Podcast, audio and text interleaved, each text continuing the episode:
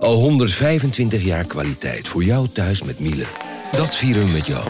Ontvang nu tijdelijk een cashback tot 125 euro op veel Miele-apparatuur. Geniet van de kwaliteit van Miele.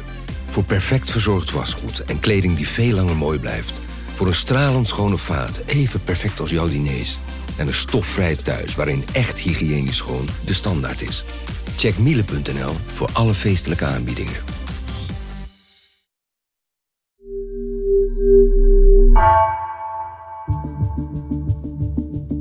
Vanaf de redactie van NRC het verhaal van vandaag. Mijn naam is Floor Boon.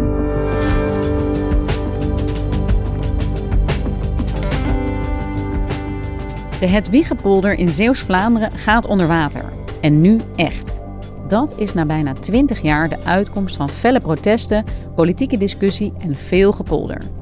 Deze week werd duidelijk dat ook de vervuiling van de Westerschelde de ontpoldering niet zal tegenhouden. Binnenlandverslaggever Arjen Schreuder volgt de zaak al sinds 2004. Waarom heeft dit zo lang geduurd?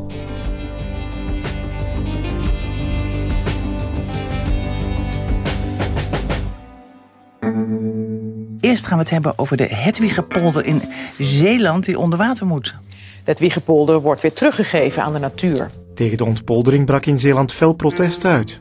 Ik zou er nog niet zo'n gokje op durven nemen dat die polder onder water gaat. Nou, goed. Ik zal te alles proberen en de mensen met mij om uh, te voorkomen dat uh, Hedwig onder water gezet wordt. Het zal een, een, een, hele opgave worden om dat op tijd klaar te krijgen. Nou, heel lang niet. Uh, ik schat maximaal een jaar en dan zijn de procedures wel afgerond. De onzekerheid is, is het moeilijkste dat er is op het moment eigenlijk. Wanneer de polder dus echt onder water zal worden gezet, dat blijft onduidelijk. De Hedwiggepolder is een uh, polder die ligt aan de oever van de Westerschelde in Zeeland, in Zeeuws-Vlaanderen, vlak bij de grens met België. Het is uh, 300 hectare groot, is die polder. Dus ja, zo'n beetje 600 voetbalvelden. Uh, het is een recht toe recht aan polder. Je zou zeggen niks bijzonders als je er doorheen fietst. Het bijzondere is vooral de ligging. Aan de ene kant heb je natuur. Uh, en aan de andere kant heb je de haven van Antwerpen, een kerncentrale, een spookdorp. En ja, die polder die zou onder water worden gezet. Voortvloeiend uit afspraken die al in 2004 zijn gemaakt. En uh, ja, we zijn bijna 20 jaar verder en nu gaat het er dan eindelijk van komen. Dus na bijna 20 jaar, nadat de beslissing is genomen om deze polder te ontpolderen, lijkt het nu echt te gaan gebeuren. Ja, ja het is uh, onvoorstelbaar.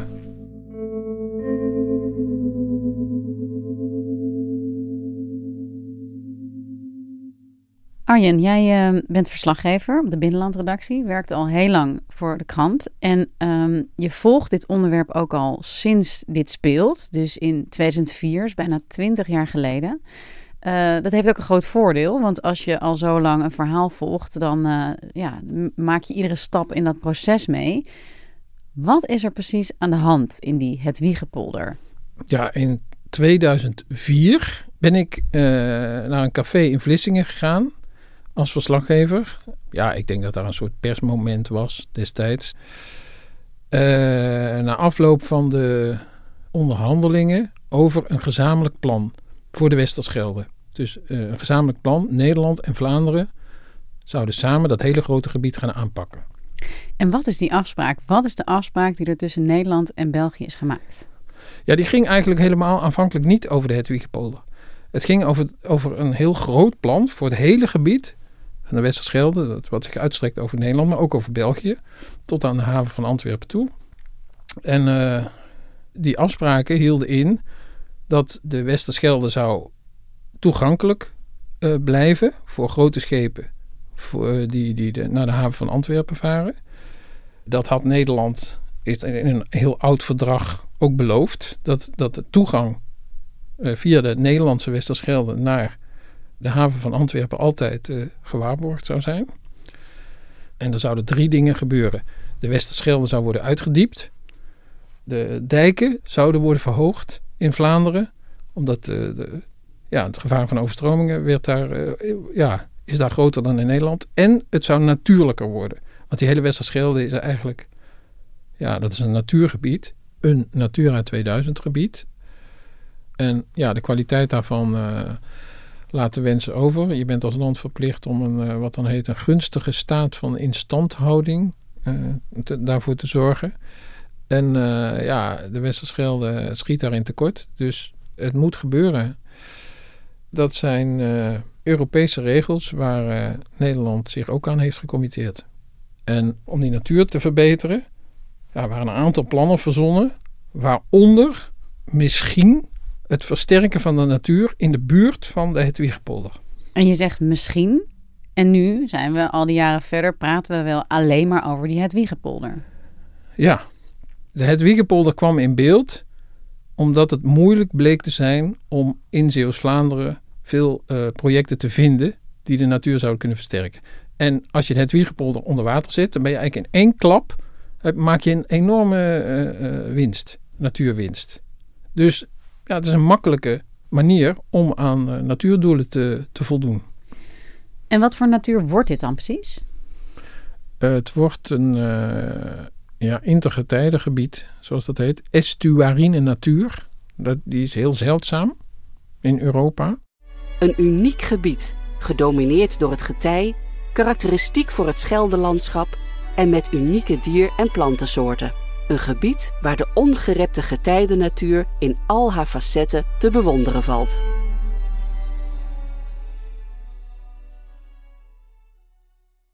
En nou ja, we zijn inmiddels uh, uh, ruim 18 jaar verder, nadat dat verdrag werd gesloten in ieder geval. Waarom heeft het zo lang geduurd? Ja, nou ja, die afspraak, Nederland bleek achteraf bezien daar niet blij mee te zijn. Want het is vooral voor Vlaanderen heel aantrekkelijk, maar voor Nederland niet. Het is een soort cadeautje wat je krijgt op je verjaardag, maar waar je, waar je niks aan hebt, wat je niet wil krijgen. Ik heb eens een keer een fietstocht gemaakt, helemaal van oost naar west, uh, Zeeuws-Vlaanderen, langs de oever van de Westerschelde. En er was bijna niemand die blij was met al die natuurplannen. Die Zeeuwen vinden hun, uh, hun eigen land uh, geweldig. En nou, prachtige rust, rustige natuur en mooie akkers. En nou, als er ergens een fabriek zoals in Terneuzen Dow Chemical staat, dan is dat goed voor de werkgelegenheid. Ja, en dat er dan een extra moeras moet worden gegraven om, om een paar zeldzame vogeltjes terug te krijgen. Ja, dat vinden ze een beetje ecologisch geneuzel. En dat er dan zelfs een stuk land moet worden afgegraven om die natuur te versterken. Ja, dat, dat gaat er bij veel zeeuwen niet in. Kom je aan de polder, dan kom je aan de zeeuw. Er waren acties, verzet en dus, zoals dat in Nederland gaat, werd er gepolderd. Dat kan gewoon niet. Je land teruggeven aan de zee. Zoutwater binnenlaten, dat is verschrikkelijk voor de zee. We hebben Jans gedaan, dan gevochten en gewerkt om onze dijken stevig te gaan. En dan een oplossing zoeken om dijken door te steken en een polder onder water te laten lopen. Dat is zo bizar, dat wil er niet in bij de Zeeuwen. Het besef begon langzaam door te dringen dat de Zeeuwen iets kregen waar ze niet om hadden gevraagd. Nou, je hebt een paar Zeeuwse politici, uh, Koppenjan bijvoorbeeld, voor het CDA, die in de Tweede Kamer zat, en nog een paar mensen. Die hebben dat zo'n beetje naar Den Haag gebracht, die discussie. En ik denk dat het een jaar of vier later was, 2008, 2009, 2010, dat de politiek in Den Haag uh, ja, begon te schuiven en dacht: hoe kunnen we onder dit verdrag uitkomen? Kunnen we misschien alternatieven verzinnen? Ja, je had toen in die jaren had je ook een staatssecretaris uh, voor het CDA van Landbouw en Natuur. En dat was Henk Bleker. En die, uh, ja, die heeft zich heel sterk gemaakt voor al die alternatieven. Ik hou van dit soort polders. De regering ook. En ik wil echt mijn uiterste best doen om een, uh, een alternatief te bedenken waarmee we natuurherstel op een nuchtere Zeeuwse manier, zonder deze polder onder water te zetten, realiseren. En hoe ging dat? Wie in Den Haag, welke partijen omarmden het protest en wat gebeurde er in Den Haag uh, dat de ideeën hierover gingen schuiven en wat bracht dat teweeg? Ja, het waren vooral uh, CDA en VVD die uh, gevoelig waren voor de argumenten. En ja, het kabinet Balkenende, Balkenende zelf, premier, kwam uit Zeeland. Die, moest, die, die kon dat ook heel goed begrijpen. Die vond, moest er ook niks van hebben. Uh, ik herinner me Tweede Kamerleden. Die stonden allemaal bomen te planten als protest. Met dit symbolische gebaar maakten ze duidelijk dat ze de Hedwiegepolder willen behouden. Zal uh, deze actie nog helpen, denkt u, meneer Koppian? Elke actie helpt. Ik bedoel, wij uh, Zeeuwen zijn een volkje wat nooit de strijd opgeeft. Ook het CDA niet en ook ik niet als Zeeuws Tweede Kamerlid. Ik blijf mij inzetten voor alternatieven voor gedwongen ontpoldering. Ja, wat zag je er gebeuren daar? Welke retoriek begon zich af te spelen, zeg maar, in Zeeland versus Den Haag of misschien zelfs versus Europa? Ja, er zit een soort woede tegen uh, dat verdrag. Dat is één. Waarom moeten wij dit doen? Dit gaan we gewoon niet doen. Verder, wat ook speelt, is de opkomende weerstand tegen de natuurlobby. Tegen de ecologen, tegen de boswachters. Uh, het is welletjes met al die uh, natuurplannen van jullie. En daarbij komt ook in die jaren zeker uh, de weerstand tegen Europa. Het idee dat Brussel zich overal mee bemoeide. Ja, en, en het Hollandse gevoel, ja, wij strijden tegen het water. En we gaan niet zomaar land teruggeven aan het water als het niet echt nodig is.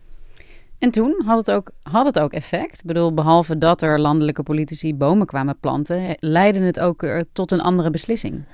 Ja, nee, dat, dat heeft zeker effect gehad.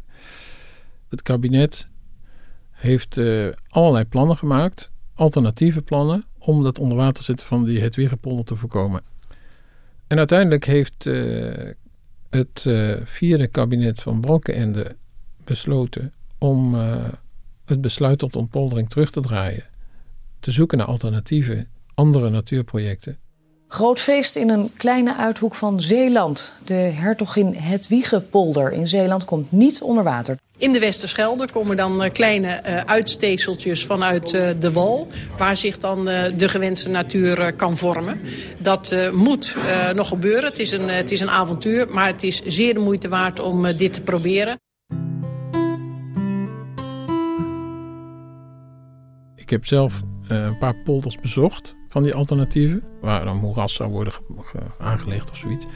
Ja, dan kreeg je eigenlijk dezelfde discussie van mensen die daar woonden en zeiden: Ja, waarom moet hier uh, natuur komen? Dit is hier toch prachtig? Het is al, het is al prachtige natuur. Uh, dus, maar die alternatieven die lagen er zeker. En die, zijn, die zijn ook allemaal voorgelegd aan Brussel. En dan had je in die, die jaren een eurocommissaris Potocnik, heette die. En die eh, kwam altijd weer uitleggen: ja, maar dit is toch niet helemaal wat we hadden afgesproken. Want je, je voldoet daarmee toch misschien niet aan de allerhoogste natuurdoelen. Uh, en daarnaast had je dus Vlaanderen, de, de, Belgen, die, die langzamerhand heel ongeduldig werden. En, en ronduit boos dat Nederland zich niet aan de afspraken hield. Dus uh, nou, het klinkt in ieder geval als een, een heel typisch Nederlands. Hè. Binnen Nederland wordt er goed gepolderd, op zoek naar alternatieven, kijken hoe uh, iedereen tevreden kan worden gesteld. Maar het was dus Brussel en ook een beetje België die zeiden: nee jongens, dat gaan we niet doen. We hebben een afspraak gemaakt en daar moeten jullie aan houden. Pacta sunt servanda, zei de, een Vlaamse politicus, ik geloof de premier van Vlaanderen. Dus de, de verdragen moeten worden nageleefd. Dat is, was zijn mantra. En uh, ja, daar had hij ook wel gelijk in. Ik herinner me een commentaar van uh, oud-hoofdredacteur hier, van uh, NRC, uh, Heldering.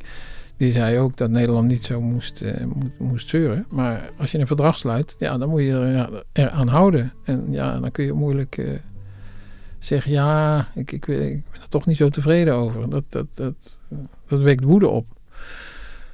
Nou, zo werd het voortdurend heen en weer. Pas in het kabinet Rutte 2 uh, in 2012 uh, besloot dat het toch definitief onder water zou worden gezet. En twee jaar later heeft de Raad van State dat nog eens bevestigd, bepaald dat er het onder water zetten van het Hedwiggepolder toch de beste methode was om tot natuurherstel te komen. 2012, dat is ook alweer tien jaar geleden. Wat gebeurde er in die tussentijd? Is er dan toch nog weer pogingen geweest om dit tegen te houden? Ja, ja, ja, ook weer. Dat zijn allemaal rechtszaken geweest. Uh, onder andere van, uh, van de eigenaar van de polder, uh, de Kloet. die onteigening wilde tegenhouden. En ja, in, in 2020 is het geloof ik begonnen. Die, eh, die zijn die werkzaamheden begonnen. En toen kwam er uh, dit laatste nieuws bij over de vervuiling. Zorgen over vervuiling in Zeeland. Het gaat om lozingen van onder meer chemieconcern 3M in België. Jarenlang loosde dat bedrijf PFAS in de Schelde, die uitmondt in de Westerschelde. Boeren langs die Westerschelde zijn bang dat hun grondwater vervuild is geraakt. En bovendien dat die giftige stoffen ook in de Hetwiegepolder terecht zullen komen als die onder water wordt gezet. Uh, wij zijn hier samengekomen met een groep mensen om te strijden om de polder droog te houden. Uh, we hebben uh, vies, vuil PFAS-water wat op ons afkomt. En als die doorgaat, gaan we de volgende generatie opzadelen, willens en wetens, met vervies, vervuild water. Het leek dus allemaal door te kunnen gaan en toch kwam er weer een hobbel op de weg. En dat was de vervuiling van de Westerschelde. Uh, met PFAS, een groep chemische stoffen die schadelijk kan zijn voor de volksgezondheid en voor de natuur. Die zou ontpoldering in de weg kunnen staan. Er is heel veel onderzoek naar gedaan. En deze week kwamen de resultaten van de allerlaatste onderzoeken. En daaruit bleek dat het allemaal wel meevalt. Althans, volgens de minister minister van der Wal. En dat uh, het uh, definitief doorsteken van de dijk uh, ja, kan doorgaan. En zo gaat het gebeuren in september. Start de pompen!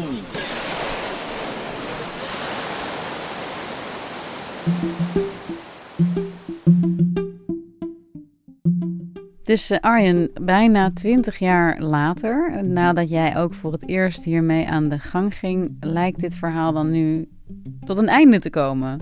Ja. Denk je dat het ook echt het einde is? Gaat die polder onder water in september? Ik denk het wel, ja. ja. Aan de Belgische kant ligt een, uh, een andere polder. Die is al onder water gezet, een paar jaar geleden. En uh, ja, dat, dat gebied wordt nu uitgebreid. En ja, dan komt een mooie uitkijktoren en dan kun je naar de vogeltjes sturen. En uh, dan zal het uh, eindelijk zijn gebeurd. Dus wat is de les? Wat heb jij hiervan geleerd over ja, um, je verzetten tegen beleid in Nederland?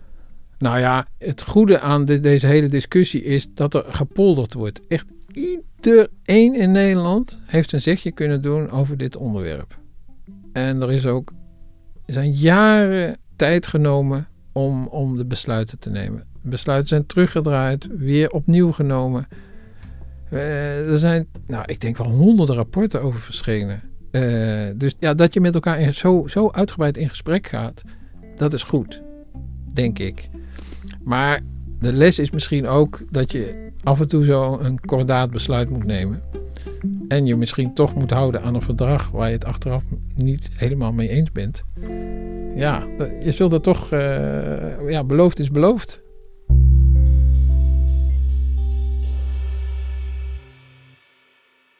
Dankjewel Arjen. Graag gedaan.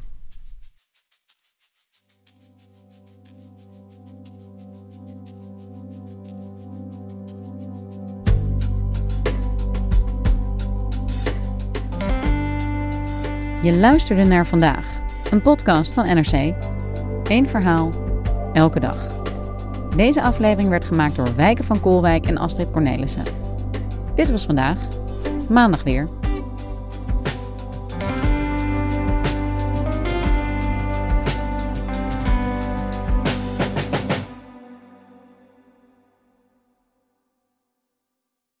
Technologie lijkt tegenwoordig het antwoord op iedere uitdaging. Bij PwC zien we dit anders.